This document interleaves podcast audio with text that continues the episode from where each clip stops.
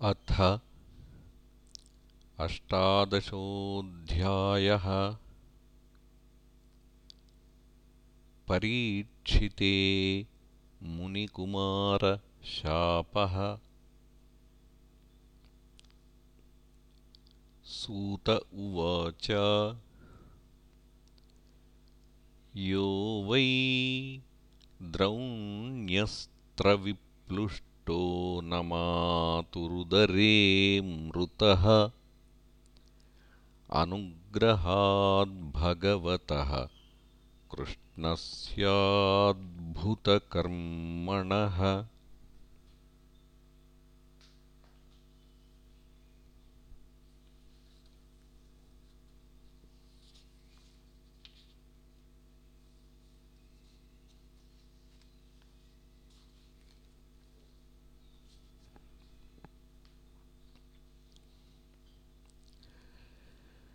ब्रह्मकोपोत्थिताद्यस्तु तक्षकात्प्राणविप्लवात् न सम्मुमोहोरुभयाद्भगवत्यर्पिताशयः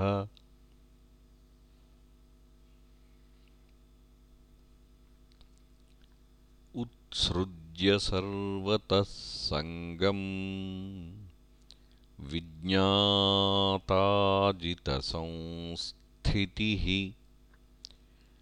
वैयासकेर्जहौ शिष्यो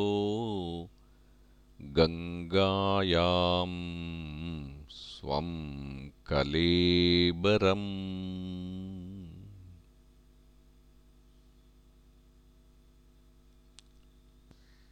नोत्तमश्लोकवार्तानां जुषतां तत्कथामृतम्। स्यात्सम्भ्रमोऽन्तकालेऽपि स्मरतां तत्पदाम्बुजम् तावत्कलिर्न प्रभवेत्प्रविष्टोऽपीह सर्वतः। यावदीशो महानुर्व्यामाभिमन्यव एकराट्। यस्मिन्न हनियर्ह्येव भगवानुत्ससर्जगाम् तदैवेहानुवृत्तोऽसावधर्मप्रभवः कलिः।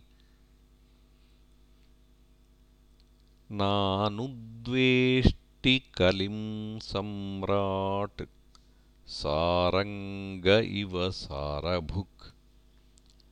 कुशलान्याशु सिध्यन्ति नेतराणि कृतानि यत् किं नु बालेषु शूरेण कलिना धीरभीरुणा अप्रमत्तः प्रमत्तेषु यो वृको नृषु वर्तते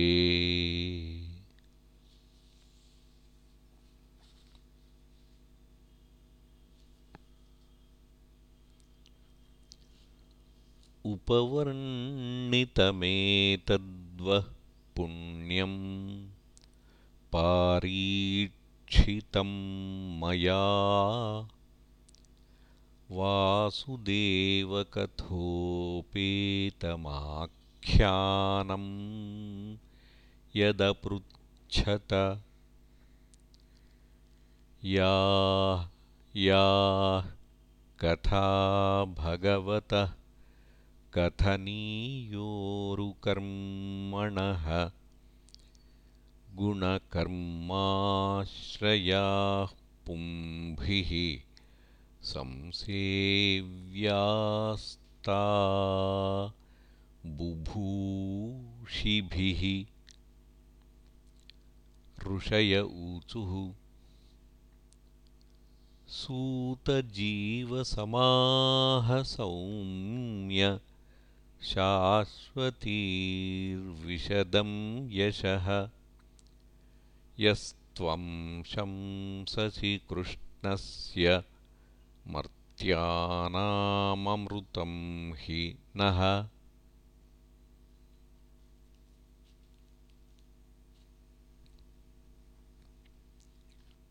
कर्मण्यस्मिन्ननाश्वासे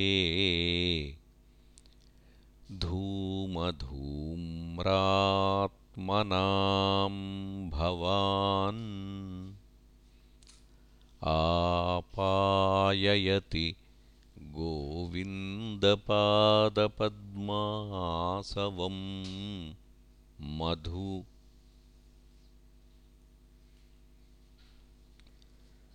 तुलयामलवेनापि न स्वर्गं नापुनर्भवम् भगवत्सङ्गिसङ्गस्य मर्त्यानां किमुताशिषः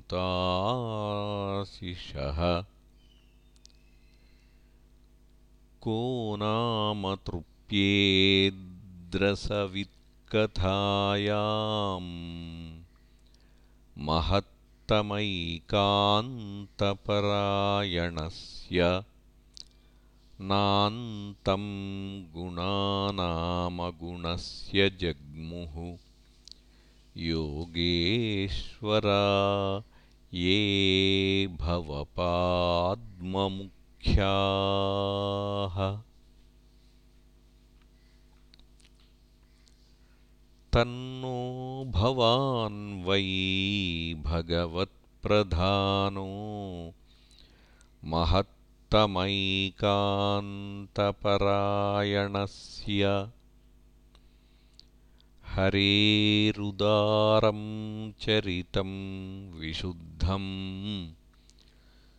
शुश्रूषतां नो वितनोतु विद्वन् स वै महाभागवतः परीक्षित्। येनापवर्गाख्यमदभ्रबुद्धिः।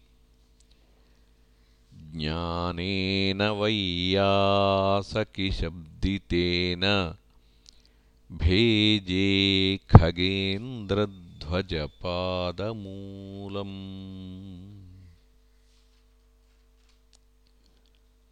तन्नः परं पुण्यमसंवृतार्थम्। आख्यानमत्यद्भुतयोगनिष्ठम्। आख्याह्यनन्ताचरितोपपन्नम्। पारीक्षितम् भागवताभिरामम्। सूत उवाच। अहो वयं जन्मभृतोऽद्यः स्म वृद्धानुवृत्त्यापि विलोमजाताः। दौष् कुल्यमाधिं विधुनोति शीघ्रं महत्तमानामभिधानयोगः। कुतः पुनर्गृणतो नाम तस्य महत्तमैकान्तपरायणस्य योऽनन्तशक्तिर्भगवाननन्तो महद्गुणत्वाद्यमनन्तमाहुः। एतावतालं ननु सूचितेन गुणैरसाम्यानतिशायनस्य हित्वेतरान् प्रार्थयतो विभूतिः। यस्याङ्घ्रिरेणुं जुषतेनभीप्सोः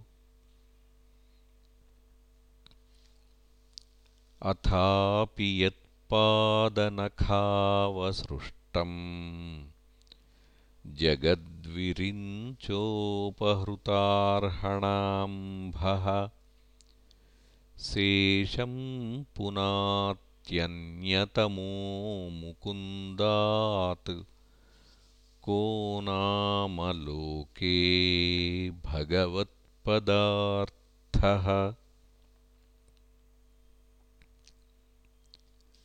यत्रानुरक्ताः सहसैव धीराः व्यपोह्यदेहादिषु सङ्गमूढम् व्रजन्ति तत्पारमहंस्यमन्त्यम् यस्मिन्नहिंसोपशमः स्वधर्मः अहं हि पृष्टोर्यमणो भवद्भिः आचक्ष आत्मावगमोऽत्र यावान् नभः पतन्त्यात्मसमं पतत्रिणः तथा समं विष्णुगतिं विपश्चितः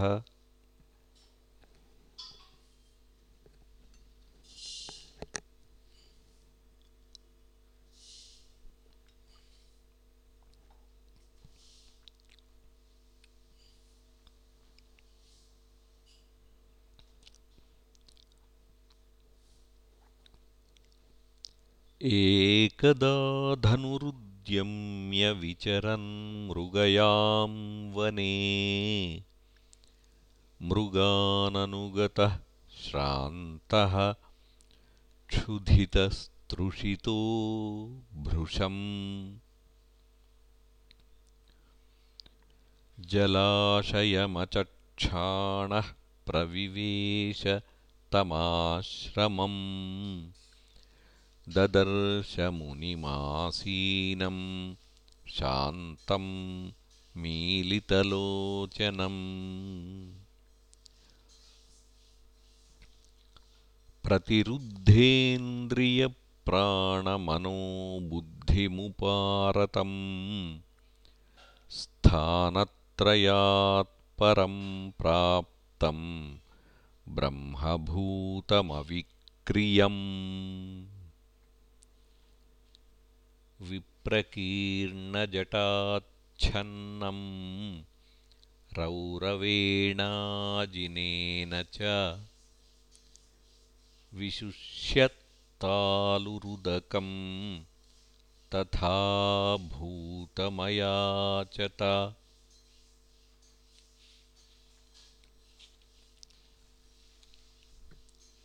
अलब्ध तृणभूम्यादिरसम्प्राप्तार्घ्यसूनृतः अवज्ञातमिवात्मानं मन्यमानश्चुकोपः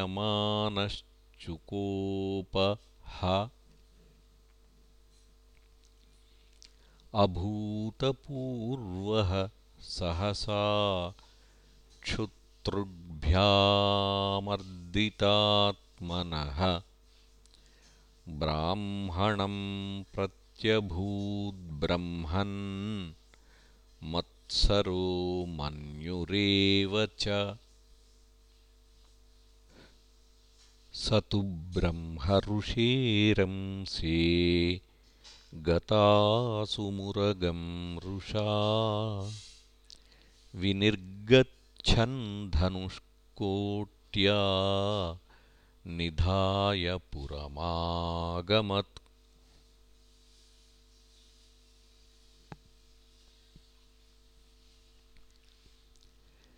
एष किं निभृताशेषकरणो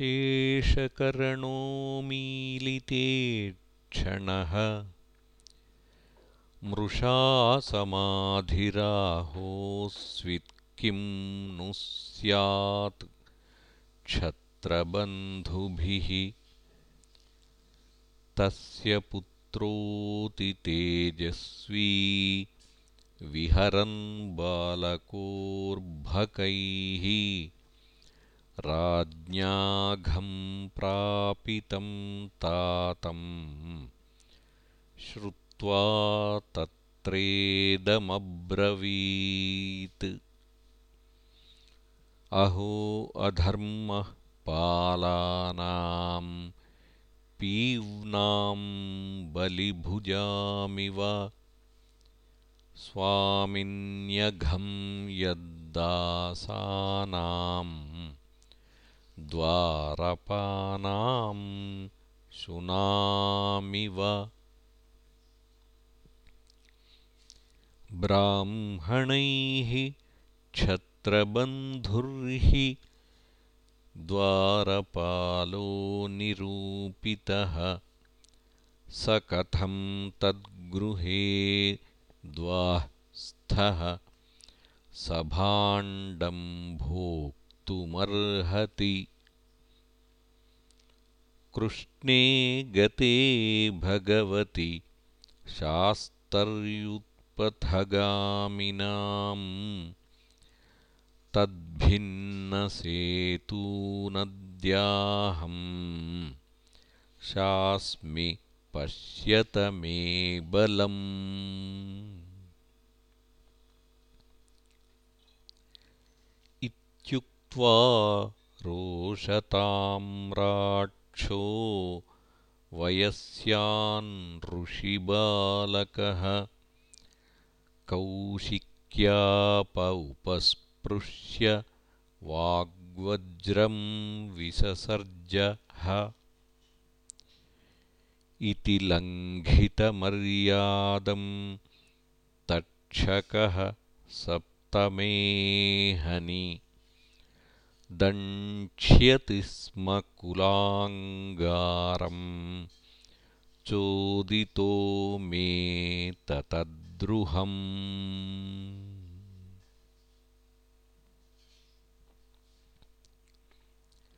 ततोऽभ्येत्याश्रमं बालो गले सर्पकलेबरम्। पितरं वीक्ष्य दुःखार्तो मुक्तकण्ठो रुरोदः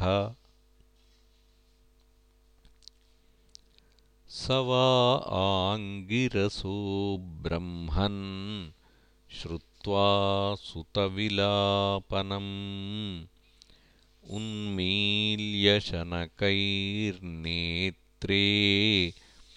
दृष्ट्वा स्वांसे मृतोरगम्।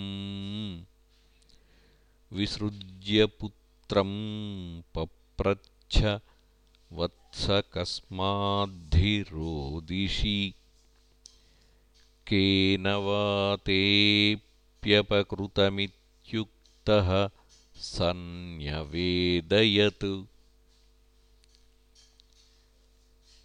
निशम्यशप्तमतदर्हं नरेन्द्रं स ब्राह्मणो नात्मजमभ्यनन्दत् अहो बतां हो महदद्य कृतम्।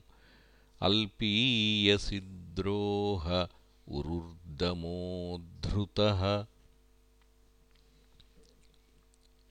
न वै नृभिर्नरदेवं पराख्यं सम्मातुमर्हस्य विपक्वबुद्धे यत्तेजसा दुर्विषहेण गुप्ता विन्दन्ति भद्राण्यकुतो भयाः प्रजाः। अलक्ष्यमाणे नरदेवनाम्नि रथाङ्गपाणावयमङ्गलोकः तदा हि चौरप्रचुरो विनङ्क्ष्यत्यरक्ष्यमाणो विवरूथवत् क्षणात्।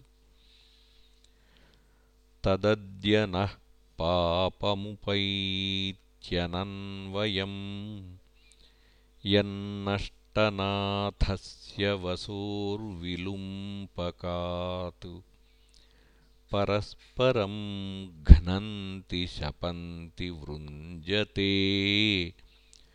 पशून्स्त्रियोऽर्थान् पुरुदस्य वो जनाः। तदार्यधर्मश्च विलीयते नृणाम् वर्णाश्रमाचारयुतस्त्रयीमयः ततोऽर्थकामाभिनिवेशितात्मनाम् शुनां कपीनामिव वर्णसङ्करः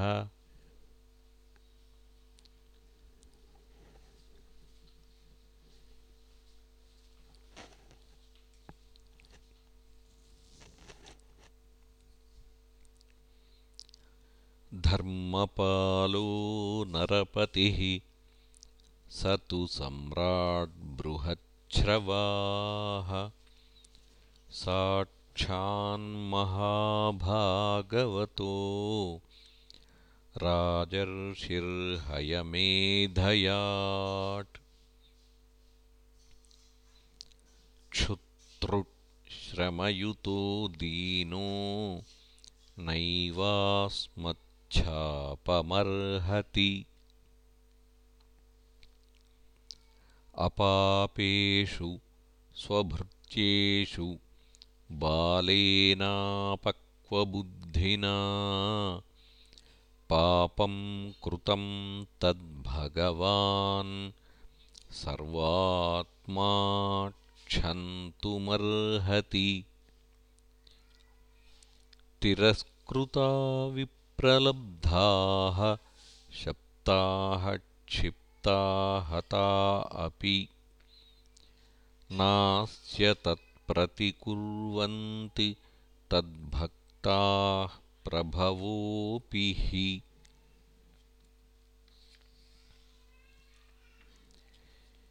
इति पुत्रकृताघेन सोऽनुतप्तो महामुनिः स्वयं विप्रकृतो राज्ञा नैवाघं तदचिन्तयत्। प्रायशः साधवो लोके परैर्द्वन्द्वेषु योजिताः।